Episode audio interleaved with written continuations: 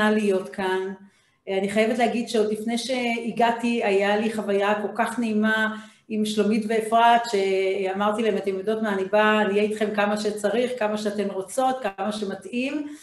אורנה, אני מקווה שהיום הזה יהיה מספיק טוב ושהלילה תשני כמו שצריך, אחרי כל ההשקעה הגדולה.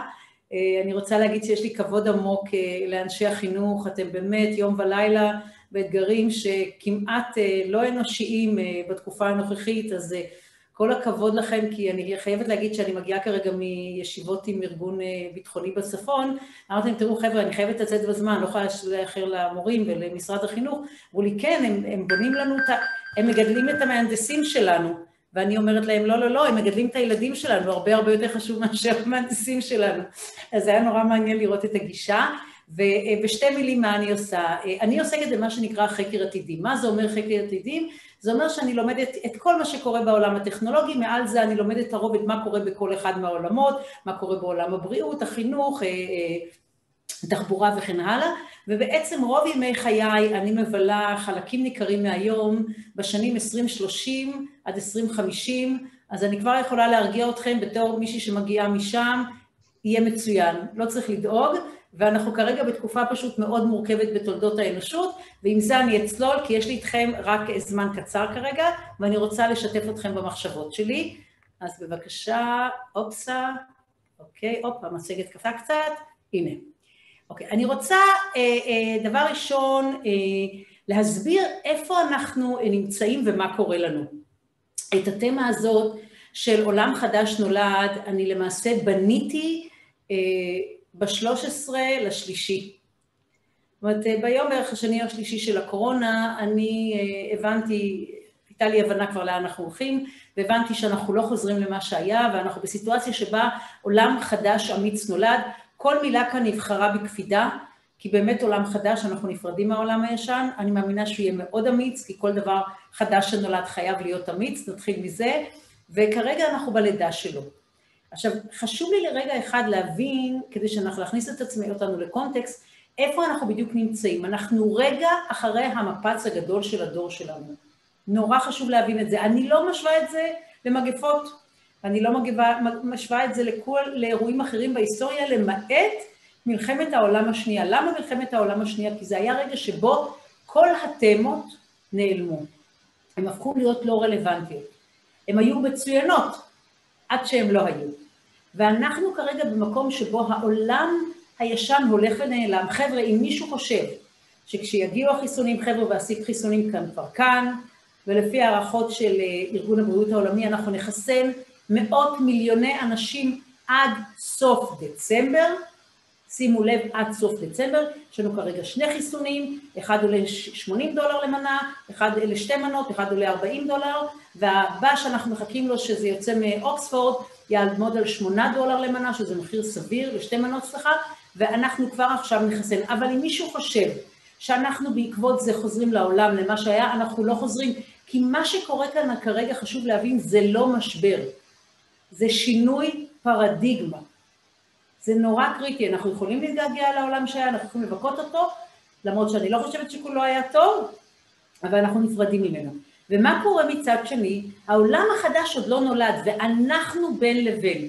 התקופות האלה שהן בין לבין, לאורך כל ההיסטוריה האנושית, הן לא פשוטות. במאמר מוסגר, מי שלומד עתידים, מה שנקרא לומד את ההיסטוריה של, העתיד, חייב גם ללמוד את ההיסטוריה של העבר. אז אני יכולה להגיד לכם שהתקופות האלה שבין לבין מעולם לא היו קלות לנו. הן מעוררות פחד, חששות, כל תחושה לא כל כך נוחה שאתם מרגישים כרגע, היא טבעית, כי ככה מרגישים בתקופות של בין לבין. אבל יותר מזה אני אגיד, משום שאנחנו נדרשים כרגע להרבה אומץ, אומרת לנו ברנה בראון, להיות אמיץ אף פעם לא נעים, אף פעם לא נוח. אז אם לא נוח לכם ולא נעים, סימן שאתם מאוד אמיצים כרגע, כולכם. אז זה סימן טוב, זה לא סימן רע, אוקיי? ובעצם למה אני אומרת שזה שינוי פרדיגמה? ואני אגיד יותר מזה, שכל מה שקורה כרגע היה קורה בכל מקרה. ואני אדבר על מה שאנחנו רואים שמבחינתי זה כרגע קצף על פני המים, הנושא של קניות באינטרנט, הנושא של עבודה מהבית, הנושא של אנשים שפתאום יש חל שינוי במשק, במה שקורה במשפחה, מבחינת מי נמצא בבית, מי לא נמצא, כל הדברים האלה הם דברים שהיו קורים בלאו הכי. למה? כי העשור הנוכחי הוא העשור המרגש ביותר בתולדות האנושות וגם הכי מפחיד, ידענו את זה לפני הקורונה. למה? כי יש לנו 15 טכנולוגיות מאפשרות או משבשות, תלוי מאיזה צד של המפה אתם נמצאים, אם אתם המשבשים או המשובשים, שמגיעות לבשלות בעשור הקרוב. למה אני מתכוונת? לאורך ההיסטוריה האנושית היו לנו עד עכשיו שתיים או שלוש טכנולוגיות, אה, מה שנקרא מהפכניות, שנפגשו. מהפכה טכנולוגית לא נולדת אם יש לנו רק אה, אה, טכנולוגיה מהפכנית אחת. היא נוצרת רק כשיש לנו מפגש בין שתיים או שלוש. אני לא אכנס כרגע לכל ההיסטוריה של המהפכות הטכנולוגיות, אבל אני אגיד שלא היה לנו מעולם בהיסטוריה האנושית מעבר לשלוש טכנולוגיות מהפכניות באותה נקודת זמן. ומה שזה אומר, שהמהפכה הטכנולוגית שאנחנו מתחילים לחוות כרגע, היא הולכת להיות הגדולה מכולן. וכמות השינויים שאנחנו עתידים לחוות תהיה שונה מכל מה שחווינו עד היום, כמטאפורה או כמראה מקום, בעשור הקרוב כמות השינויים שאנחנו נחווה תהיה דומה בהיקפה למה שחווינו במאה, במאה השנים האחרונות, במאה השנים הקרובות אנחנו נחווה את כמות השינויים שחווינו ב-22 אלף השנה האחרונות. אז מה שנקרא, אם אני צריכה לתת לכם עצה, אני מציעה לכם להחזיק טוב טוב טוב את הכיסא, אוקיי? כי מחכה לנו נסיעה מרגשת, מאתגרת, אבל לא פחות מזה, מהנה ומאפשרת התפתחות, זה הצד כמובן החיובי של המפה, ואני בטוחה שיש גם דברים פחות חיוביים שיקרו, כי ככה זה קורה, אבל בעיקר בסופו של דבר התוצאות הן תהיינה מאוד חיוביות. עכשיו, מה שמעניין, חשוב להבין, זה לא כל טכנולוגיה בפני עצמה, וכל טכנולוגיה בפני עצמה היא מדהימה.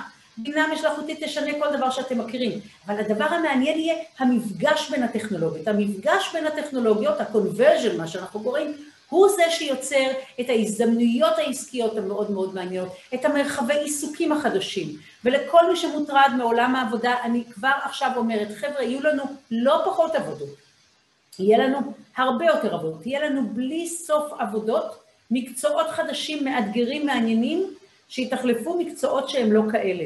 ואם מישהו אה, אה, קצת מוטרד, אני רוצה להזכיר לכולנו שאף אחד מאיתנו לא מתגעגע כרגע לא, אה, ל, אה, לא למחלקי הקרח ולא לקופסות וגם לא לטלפוניסטיות, נכון? מקצועות שהיו מקצועות שלא נעים להגיד, לא עשו כבוד ליכולות של המין האנושי, הם היו הכרחיות, הטכנולוגיה מחליפה אותם. כל משהו שהוא חוזר על עצמו מסוכן או משעמם, אנחנו נעשה לו מיקור חוץ לטכנולוגיה. זה מה שאני יכולה להבטיח להם, לכם, וכולנו בעצם נעלה בשרשרת הערך ונוכל לעשות דברים שהם הרבה יותר מעניינים, הרבה יותר מאתגרים. אז זה ככה, דבר ראשון, קצת כדי להזכיר, וכל מה שאתם חושבים שהוא מדע בדיוני, חבר'ה, הוא לא מדע בדיוני, הוא מדע מוכח כאן ועכשיו, אני אתן לכם רק כמה נגיעות קלות כדי לתת לכם להרגיש את זה.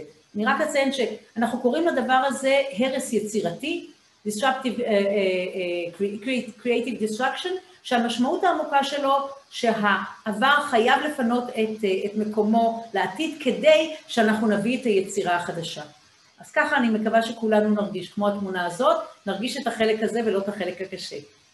עכשיו אני אתן לכם כמה דוגמאות. תראו, עד עכשיו היה לנו כמות חומרים, כשבנינו, בנינו מהמלט, אה, אה, בנינו עם מים, כל החומרים שהשתמשנו בהם, מיליונים של שנים.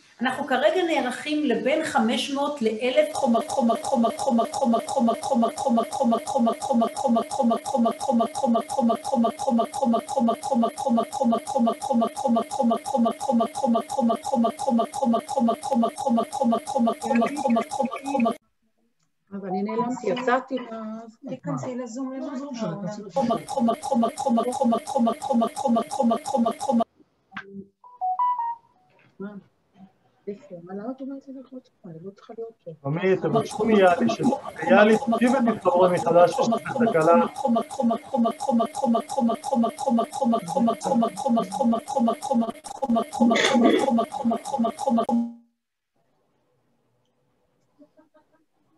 יאלי, את שומעת? יאלי, האם שומעת? יאלי, קשרו אליה מישהי. שלומדת...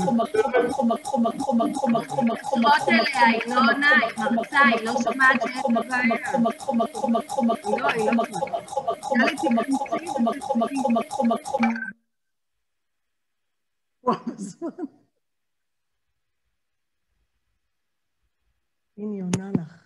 לא עונה לי. עם מי מדברת? היא לא עונה לי. עם מי מדברת?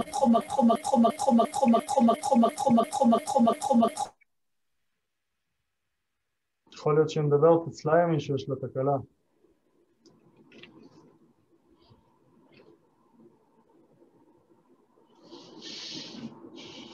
חומק, חומק, חומק, חומק, חומק, חומק, חומק, חומק, חומק, חומק, חומק, חומק, חומק, חומק,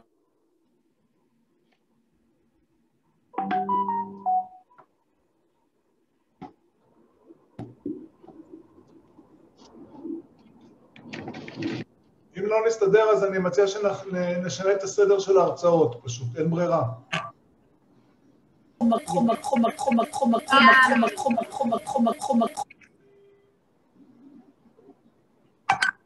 כן, שלומית. אה, אני עם יאלי ביחד. יאלי, הנה יבגני איתנו. כן, כן, כן, כן. כן. טוב, אוקיי. אה, לא, יש לך בעיה. יש לך בעיה?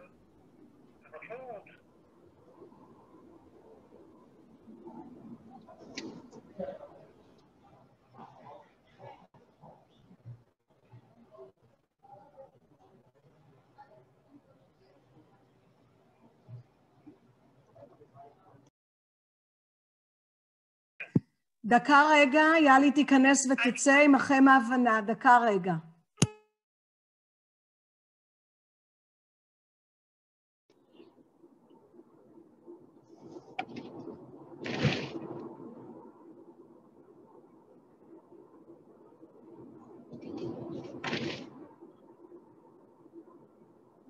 זה פשוט דוגמה מהעתיד.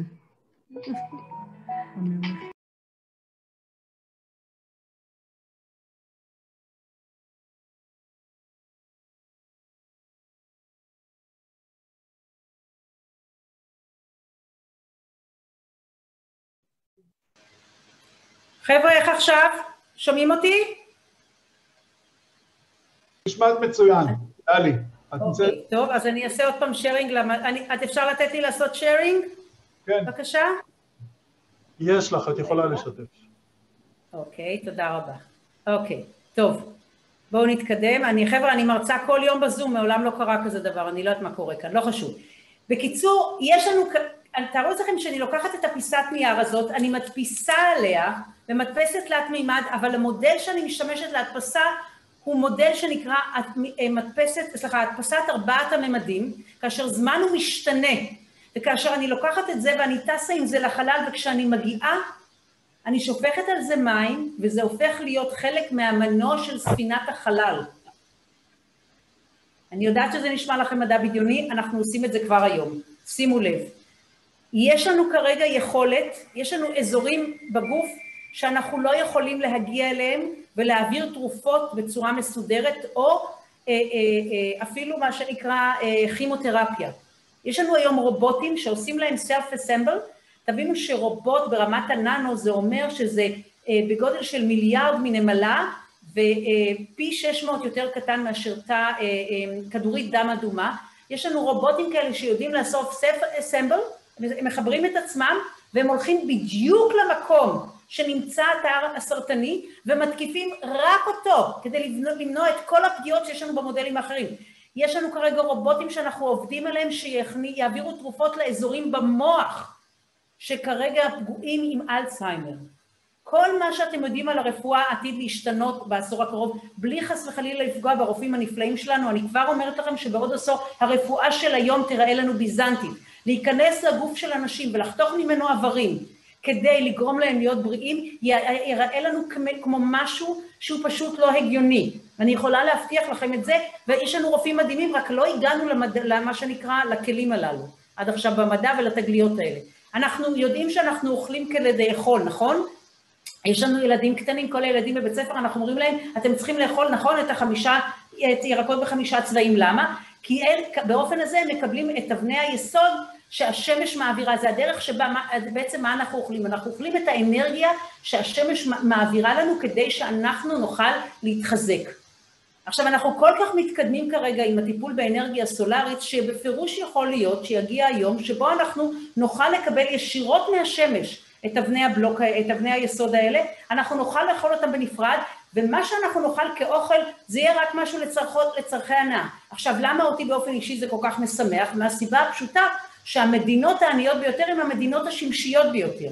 זאת אומרת, יכול להיות שמכיוון לחלוטין לא צפוי, אנחנו נוכל לפתור את הבעיה של מה שנקרא היעדר תזונה. בבקשה, הקשת בענן, שימו לב. אני רוצה, אני רק נותנת לכם כמה דוגמאות על דברים שאנחנו עובדים עליהם כרגע. אם אני חברה שלכם ויש לכם יום הולדת, ואני אומרת לכם, אני הולכת להביא לכם מתנה מיוחדת ליום הולדת, ואתם שואלים אותי מה, ואני אומרת לכם, אני הולכת להביא לכם וירוס למחשב שלכם.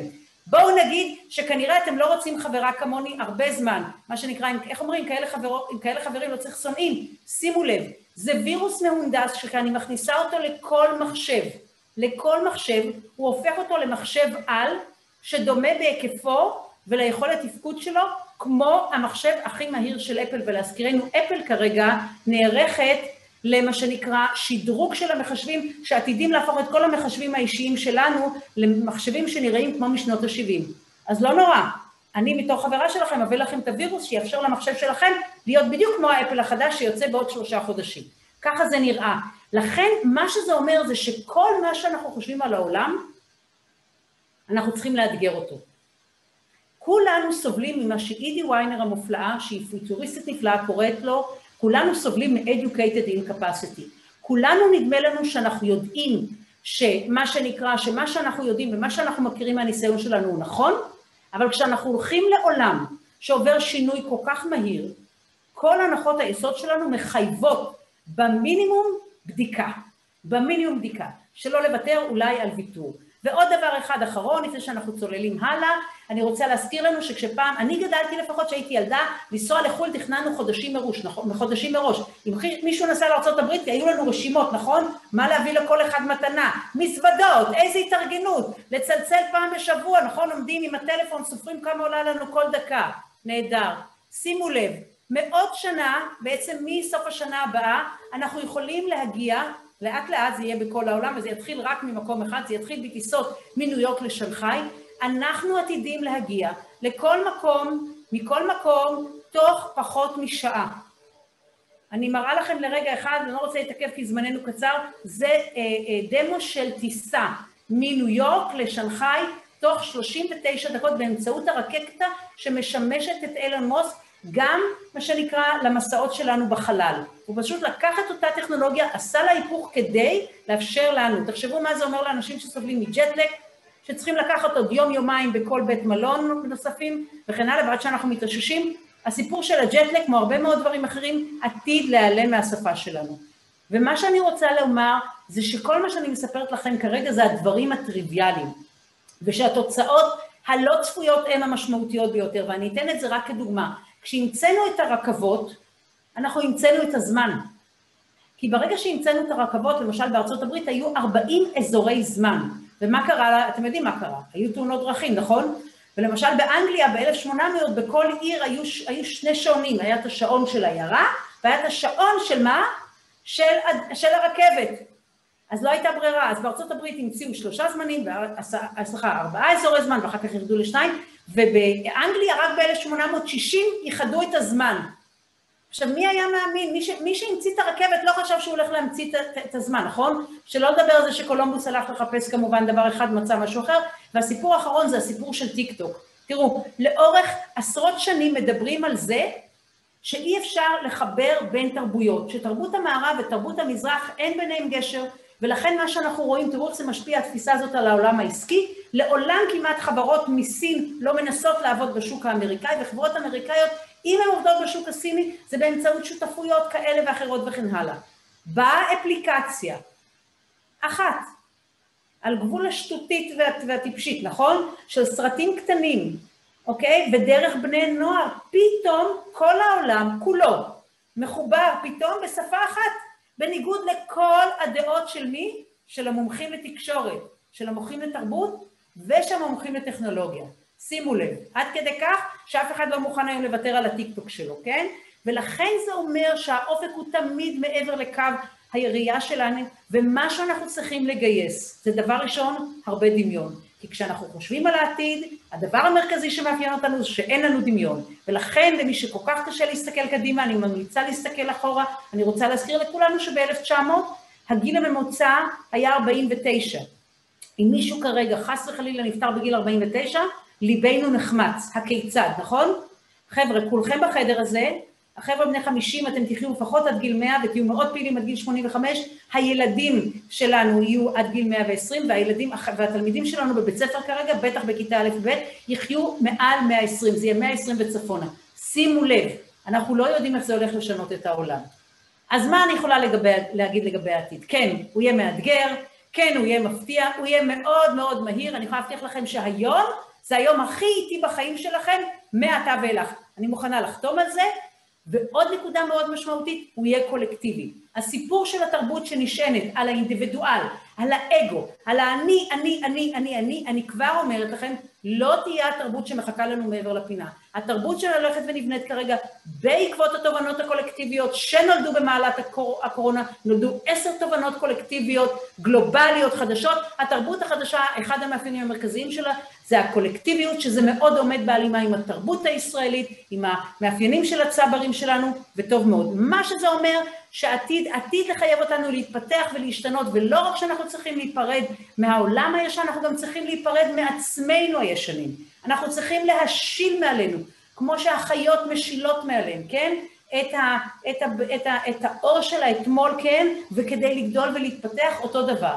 ואני כמובן רוצה שכולנו נהיה פרפרים יפים, כן? אז בכלל. לא שאני חושבת שעד עכשיו היינו חס וחלילה גלמים, אבל אני רק אומרת את זה כמראה מקום. אבל מה מטריד אותי? מה מטריד אותי? מטריד אותי שאנחנו נכנסים עם תמות של העולם הישן לעולם החדש.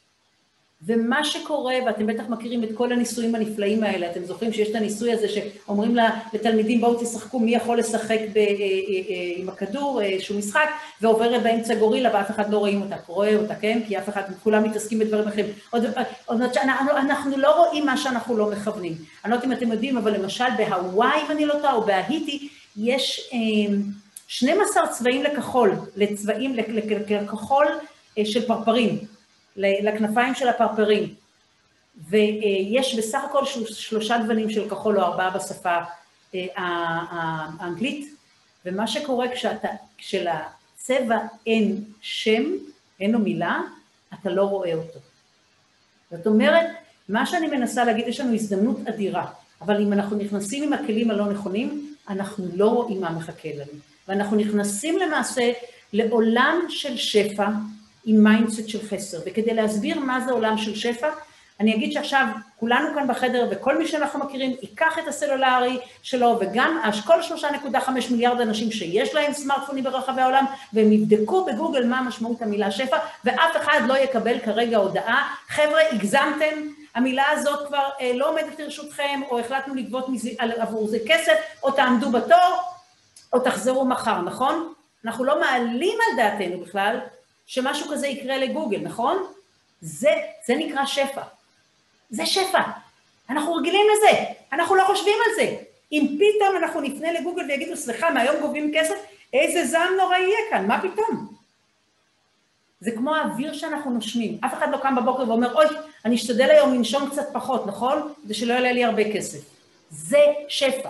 אנחנו חיים במקום הזה, אנחנו לא בהכרח מודעים לו, וכמעט חלק, אני יכולה להגיד לכם בוודאות שכמעט כל דבר שאתם עכשיו תדברו איתי עליו, אם זה אוכל, אם זה שתייה, חבר'ה, מישהו לא סגר את הסלולר, אה, יש שם מישהו שלא עושה מיוט, אה, אני שומעת כל הזמן רעש, אה, אם, אם זה אוכל, אם זה שתייה, אם זה מגורים, אם זה תחבורה, אם זה בריאות, אם זה חינוך, אני כבר אומרת לכם, אנחנו עוברים לעולם של שפע ואנחנו צריכים לשנות את ה mindset שלנו שהוא חסר, כי כמו שאומר על זה מרק טוויין, לחיות לפי החוקים של אבותיך זה כמו ללבוש את הבגדים שלך, של הבר מצווה שלך, כשאתה בן שלושים.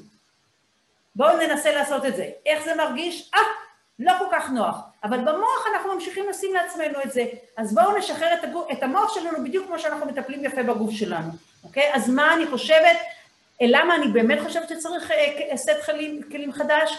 אפשר להגיד, לא, מה פתאום, העולם תמיד משתנה. חבר'ה, הפעם השינוי הוא אקספוננציאלי, אוקיי? הוא לא ליניארי.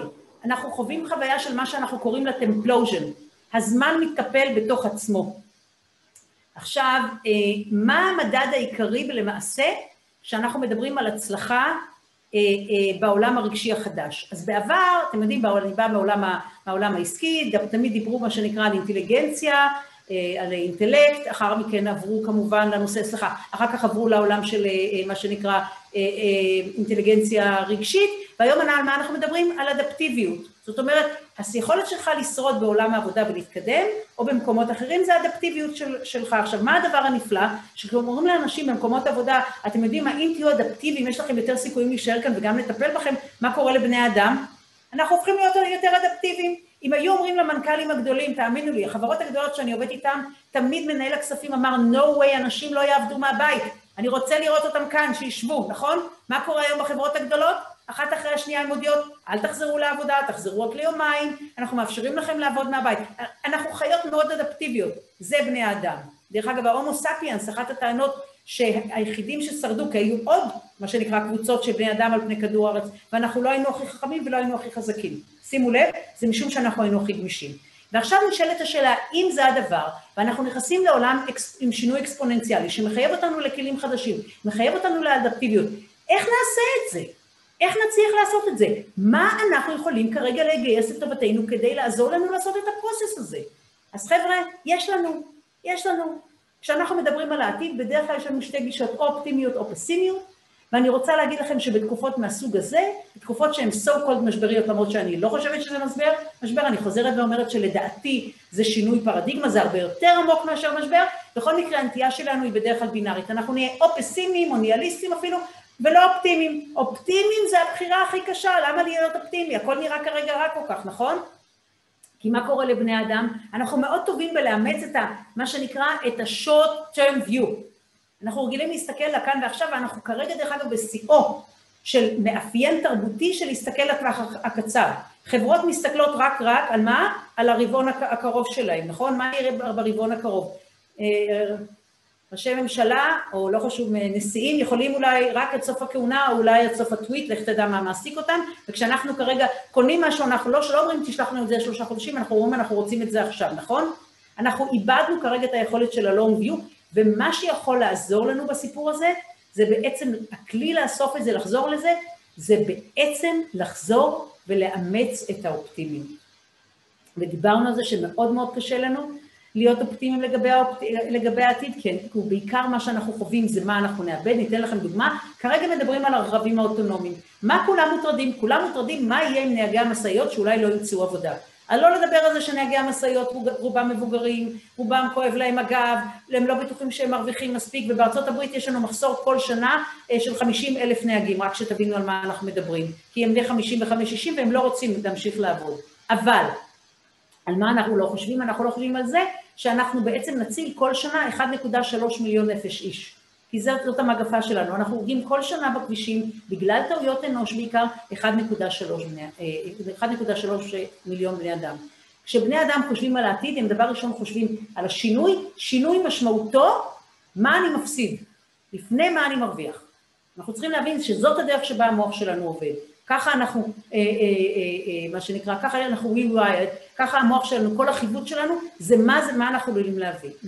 אבל אני רוצה להגיד שאופטימיות, למרות הדבר הזה, היא דבר שאנחנו יכולים להחליט שהוא מתאים לנו. זאת אומרת, אנחנו יכולים לשמוע מסביב הרבה מאוד קולות שליליים, אנחנו יכולים לשמוע הרבה מאוד הפחדות, וכרגע אנחנו בסיטואציה שכולנו חיים כרגע עם המגדלה מוגדלת, ויש מי שמרוויח מזה, ויש מישהו שתורם מזה, וזה לא חס וחלילה, אני לא מדברת על תיאוריות קונספירציה, כי זו סיטואציה הרבה יותר קלה, כשיש אי ודאות הרבה יותר קל לפחד, הרבה יותר, הרבה יותר קשה להיות אופטימי. אבל מה אומר לנו נועם חומסקי המופלא?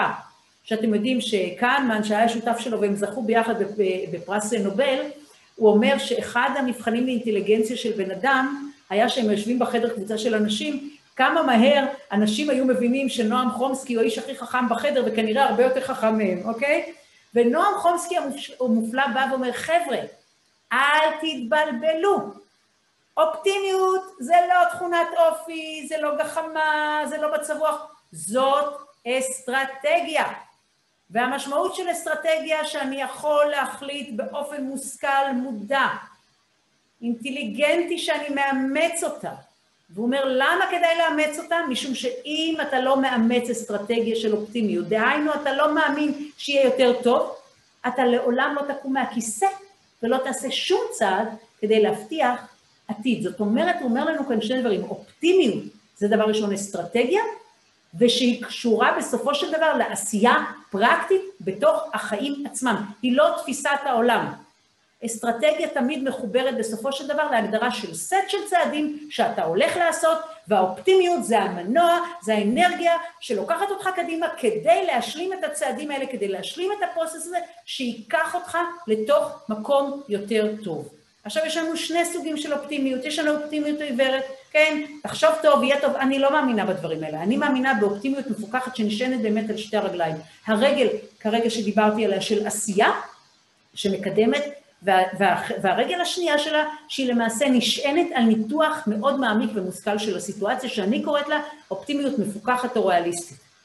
אה, ואני חושבת, ויש כרגע שש תמות שאני לא, לא ארחיב יותר על המידה עליהן, אני רק אדבר עליהן ממש בקצרה, כי זמני אני רואה מתקצר, אבל אני רוצה בכל זאת לדבר עליהן ממש ממש בקצרה, זה שש תמות שאני בניתי, ללמה אני חושבת שיש לנו סיבה להיות אופטימיים באופן ריאליסטי. היכולות הטכנולוגיות שלנו, תראו מה קורה לנו, שימו לב, שימו לב, רק תסתכלו עם ה-COVID-19 הזה, אוקיי? כשהיה לנו את הסארס, לקחנו חמישה, חמישה חודשים כדי לפענח את הקוד הגנטי, חמישה חודשים. כמה זמן לקח לנו עם ה-COVID-19? יומיים בדיוק. יומיים בדיוק.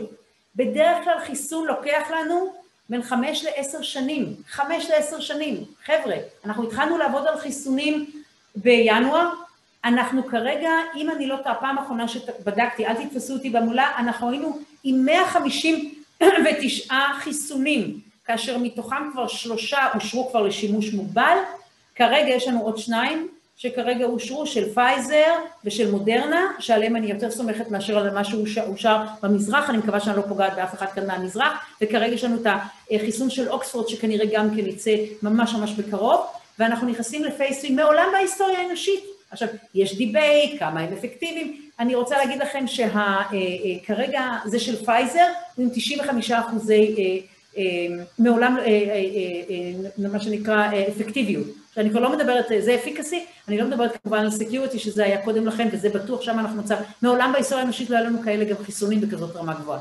ההיסטוריה של המהפכות הטכנולוגיות, מה היא מלמדת אותנו? דיברנו על זה, כל פעם שיש לנו מפגש בין שתיים, שלוש טכנולוגיות מהפכניות, יש לנו מהפכה. ככה נולדה המהפכה התעשייתית, ככה נולד, נולדה אחר כך המהפכה של החשמל, ככה נכנסנו לעידן המידע וכן הלאה. אנחנו כרגע, ואנחנו יודעים שברגע שיש מפגש כזה, נוצרות, נוצרות אינסוף הזדמנויות, אנחנו רואים שהחברה מתגייסת ומתערבת במה שקורה עם הטכנולוגיה, זאת אומרת, לא הטכנולוגיה בלבד בונה את העתיד, אלא מה שנקרא, החברה נכנסת ובונה את מה שאנחנו קוראים סגנון החיים החדש, סגנון החיים הנשאף החדש, ובעקבות זה מה שנקרא, מעבר ל-30 אחוז מהמשרות החדשות שנוצרות שקשורות לטכנולוגיות, נולדות 70 אחוז משרות חדשות שהן טובות, מעניינות ומתגמלות, אולי שונות מאלה, ואז אנחנו רואים שמגיע golden age חדש. קרלוטה פרז, שהיא המובילה, אחת המובילות בעולם הכלכלי, באה ואמרה לנו באמצע מאי, באמצע מאי, באמצע האירוע הכבד שלנו, אני חוזה בניגוד לדעה הרווחת שאנחנו לפני golden age. אנחנו רואים שינוי בפרדיגמות של הפרט, אנחנו, סליחה, בפרדיגמות הכלליות שלנו. דיברת, הזכרתי את זה, אני לא ארחיב על זה כרגע, יש לנו עשר אה, תובנות קולקטיביות גלובליות כרגע שנולדות, בעקבות זה מה שהולך לקרות וזה מתחיל כרגע, אנחנו לא רואים את זה, וזה השינוי הכי משמעותי שקורה כרגע, אנשים לא רואים אותו, מתחיל שינוי חברתי דרמטי, משמעותי. אנחנו לא רואים את זה, אנחנו נראה את הניצנים עוד שנתיים שלוש, ובעוד עשור מעבר לגבעה, אנחנו נעמוד על הגבעה ונגיד איפה, איך קורה, איך זה קרה, זה כאן ועכשיו מתחיל. אוקיי? החזרה לחברה שלא מרוכזת רק באני, לדאגה קולקטיבית, לדאגה לטבע, להשקעה אה, במדע, אה, להשקעה בטכנולוגיה, לניהול של הטכנולוגיה, לכניסה חזרה של המדינה כשחקן מרכזי, כשותף לטכנולוגיה וכן הלאה וכן הלאה. אנחנו רואים שינוי במודלים של, של ההתנהגות של הפרט שינבעו גם מהשינוי התרבותי ומהשינוי בפרדיגמות, אנחנו נראה אנשים יותר מודעים לחברה, לסביבה וכן הלאה, אה, לנו זה קורה לנו בכל מקרה במדינת ישראל, אה, שינוי במקום הגל, הגלקטי שלנו. חבר'ה, אני לא יודעת אם אתם שמים לב, אנחנו בעיצומה של פריחה בנושא הזה.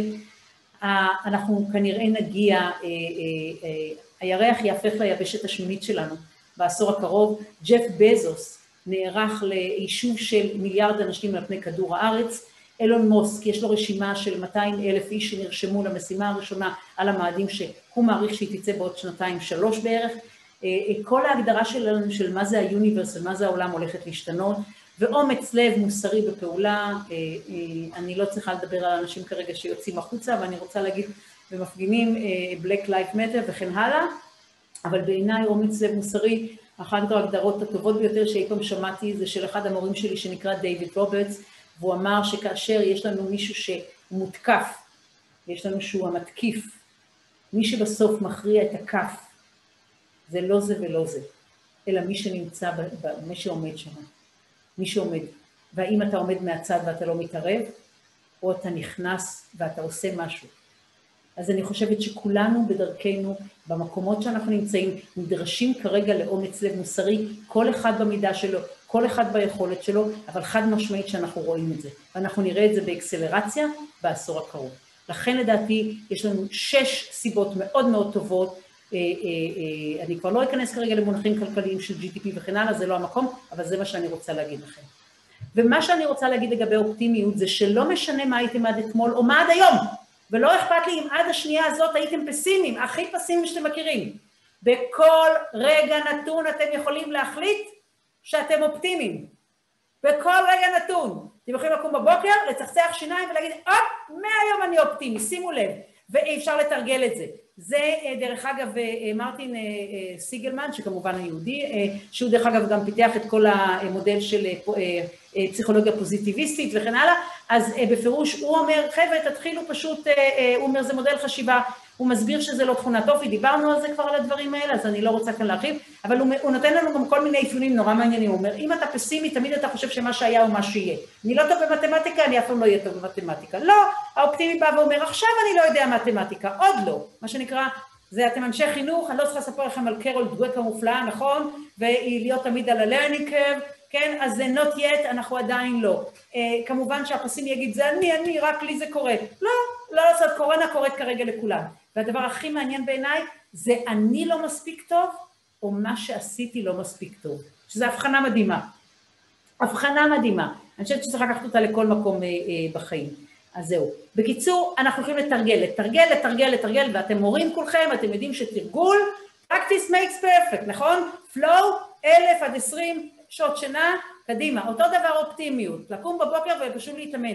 דרך אגב, ברנה בראון המופלאה, אחת המורות המופלאות שלי, שהיא מומחית, היא התחילה כחוקרת של אה, אה, אה, אשמה ובושה, היא אומרת שכל יום לפני שהיא שמה את הרגליים על הקרקע, היא אומרת לעצמה, היום אני אהיה אמיצה, אני מבטיחה לעצמי שהיום אני אמיצה. אני לא מבטיחה מחר, אני לא מבטיחה מחרתיים, היום אני אמיצה. אתם יכולים לקום כל בוקר ולהגיד, היום אני מבטיח לעצמי או מבטיחה לעצמי להיות אופטימית. רגע לפני ש... לא לתת לרגליים לגעת ברצפה, חבר'ה, להגיד, ואחר כך רגליים על הרצפה. עכשיו, איפה זה פוגש אותנו? שימו לב איפה זה פוגש אותנו במערכת שלה, במערכת הנוירולוגית שלנו. יש מונח נפלא שנקרא window of tolerance, שבא ואומר, זה המקום שבו אנחנו כנראה מקבלים את ההחלטות הכי טובות עבורנו. בדרך כלל ההחלטות הכי טובות עבורנו הן החלטות, מה שנקרא, שקשורות לעתיד ולא רק להווה, כן? ותראו מה קורה. יש לנו את ה-window of tolerance הזה, וככל שאנחנו מתאמנים יותר באופטימיות, ה-window of tolerance משרת אותנו יותר ויותר דווקא בסיטואציות מאתגרות. ולכן התרגול הזה יכול לעזור לנו דווקא ברגעים הכי קשים שלנו, אוקיי? אז אפילו רק בשביל זה שווה. ולמה? חוקרים שואלים את עצמם, למה האופטימיות מובילה לתוצאות יותר טובות? דבר ראשון, כי היא קשורה לתכלית, היא קשורה לאהבה, היא קשורה אה, אה, אה, לאחריות שהן בעצם המוטיבציות העמוקות ביותר שלנו, ואני רוצה להגיד משהו. כשאנחנו מדברים על תכלית, אני ממליצה שזה לא יהיה משהו כולל כזה. תכלית צריכה להיות מאוד ספציפית, לעזור לתלמיד הזה, לטפל בנושא הזה וכן הלאה. לא, אני רוצה לשנות את העולם. ואהבה, שמעתי היום את סיימון סיניק המופלא מספר שהוא עובד, אני גם יש לי את הזכות הגדולה לעבוד עם הצבא, אז אני תמיד מאזינה בשמחה רבה למה שהוא מספר, הוא מאוד קשור למרינס. אז הוא סיפר היום שהוא אה, היה באיזשהו מחנה איתם והוא התחיל לעשות איתם את כל התרגול של הבוקר. ואז הוא גומר את התרגול של הבוקר, הוא אמר, טוב, עכשיו מה, ארוחת בוקר? אמרו לי, לא, לא, זה היה החימום. ואז הוא אומר לי, אז מה עכשיו? הוא אומר, עכשיו הם הולכים לתרגול המשמעותי. ומה שהם עושים, הם כל, כל יום הם לוקחים אה, דמות של מישהו שאולי נפגע באחת המלחמות, והם עושים את התרגול עבורו, שזה מדהים בעיניי.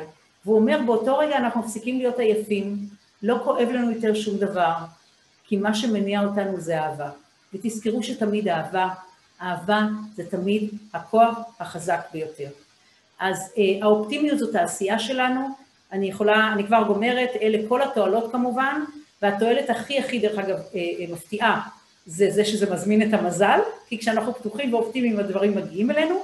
והדבר האחרון, חבר'ה, פשוט תדאגו להיות אופטימיים, יש כאן כמה כלים, אה, פשוט, אה, אני אגיד ממש ממש בקצרה, חבר'ה תשחקו. יש דרך אגב, אני ממליצה, יש כרגע משחק שנקרא אה, Among Us, זה משחק לכל המשפחה, זה, אף אנשים לא יודעים, זה יותר חזק מכל משחקי המחשב, מכל, ה, מכל מה שאתם יודעים על עולם הגיימינג, זה הפך להיות הצלחה אדירה, זה משחק משפחתי, כאילו יש חייזר בתוכנו.